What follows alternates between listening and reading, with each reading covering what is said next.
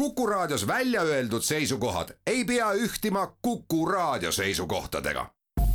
Te kuulate Kuku Raadiot.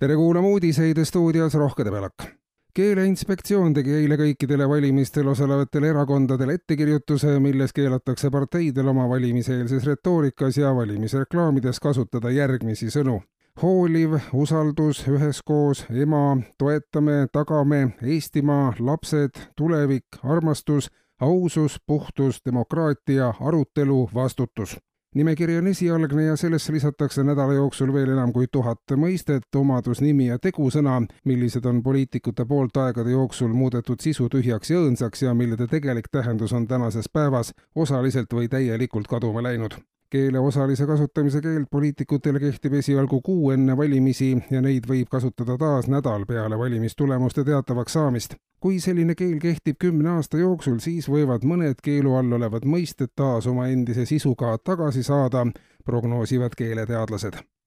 rahandusministeerium aga annab teada, et riigi rahatagavarad vähenevad hoogsalt, ka eurorahad ja laenud saavad kunagi otsa ja arvutused näitavad, et kogu raha on riigil otsas kahe aasta pärast ja siis saab üleriiklikult raha kui sellise kasutamisest üldse loobuda. ainukeseks maksevahendiks saab siis tänu, tänu hakatakse regulaarselt avaldama kõikide riigieelarveliste asutuste töötajatele ja ka erasektor saab iga kuu alguses töötajatele möödunud kuul tehtud töö eest nii kollektiivselt kui individuaalselt tänu avaldada ka poes saab inimene kaupade ja teenuste eest siis siira tänuga tasuda. siiani on palju ameteid, kus on suuresti puhtalt aitäh eest töötatudki ja see on olnud vajalik ettevalmistuspinnas puhtalt tänupõhilisele finantssüsteemile üleminekul väljatöötamisel on ka võlaõigusseadustiku kohendamine tänu võlglaste korrale kutsumiseks. tänu saab olema kõrge kursiga teiste valuutade suhtes, sest teineteise tänamine ja tänutunne ei ole Eestis väga levinud ja see on kindel valuuta. valitsus teatab, et kui inimesed nüüd ei jõua ära tänada kõige hea eest, mis valitsus neile teinud on, siis muretsemiseks ei ole põhjust, saab koostada maksegraafiku ja tänada ka osade kaupa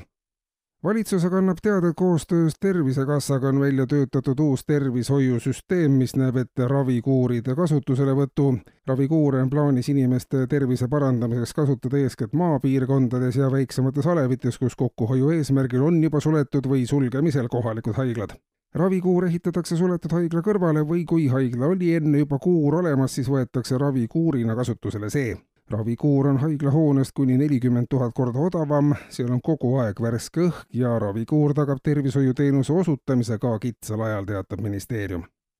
ning Eesti Energia annab kõikidele elektrienergia väiketootjatele teada, et alates esimesest veebruarist on kohustuslik uus tagasiostupakett Väiketootja muutuv. uue lepinguga palju ei muutu, ainsaks muudatuseks on, et väiketootmine muutub mõttetuks. Tagasiostuleping Mõttetu väiketootja annab tootjatele selguse ja kindlustunde tuleviku osas, mitte ei lase levida eufoorilistele ootustele, et riigil on elektrit vaja. kuulsite uudiseid